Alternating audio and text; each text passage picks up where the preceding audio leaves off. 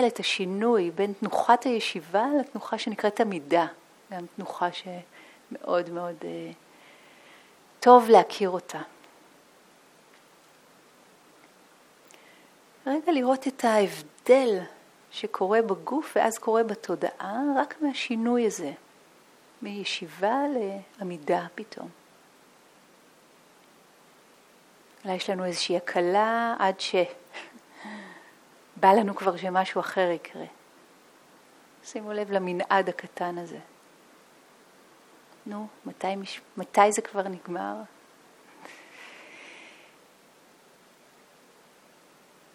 וממש להתרחב וגם לעשות לזה מקום.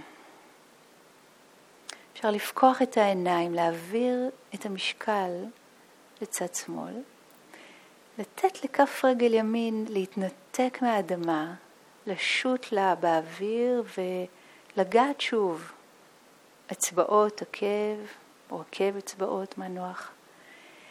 להעביר את המשקל, המשקל עובר באופן טבעי קדימה, ואז כף רגל שמאל, העקב שלה מתנתק מהאדמה, וכל כולה מתנתקת, שטה לה באוויר, ושוב נוחתת בעדינות, פוגשת שוב אדמה. אצבעות עקב, או עקב אצבעות, ושוב משקל עובר קדימה, ואנחנו מתחילים למצוא את עצמנו במה שנקרא הליכה. עוד רגע, עוד צעד. אפשר צעדים קטנים במקום, ממש ככה עקב בצד אגודל. שימו לב לתהליך הזה. איפה קורית ההליכה? האם היא בצעד?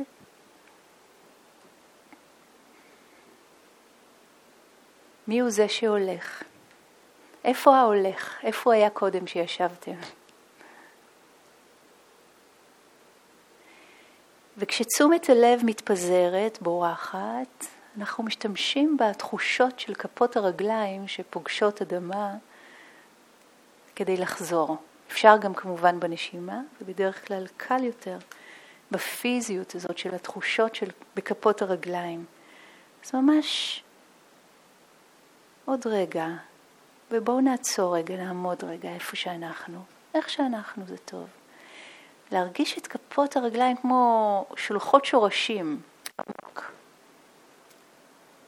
נפרסות להם, כמו ביוגה אפשר לפרוס את הבעונות, להרגיש את היציבות, אפשר אה, אפילו פיסוק ככה ברוחב האגן, להיות יציבים על האדמה, להיות כמו עץ.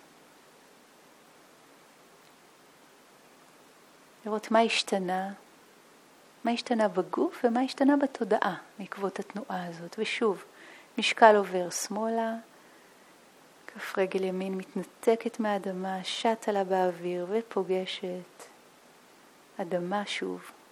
אצבעות עקב זה השיטה האינדיאנית, עקב אצבעות זה השיטה המערבית, מה שבא לכם. המשקל עובר וממשיך וממשיך.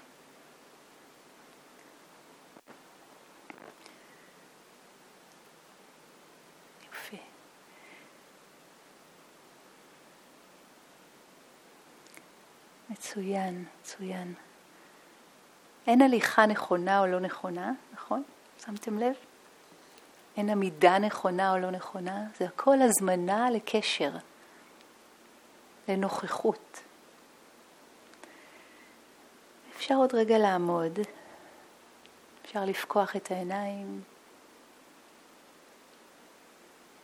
להרגיש את ההבדל בין עיניים פקוחות ועצומות בעמידה.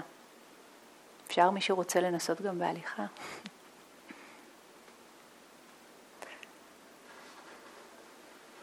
להרגיש את הגוף, לשחרר את המתח אם יש בכתפיים או בבטן, לשחרר מבפנים, אין צורך לעשות יותר מדי תנועות.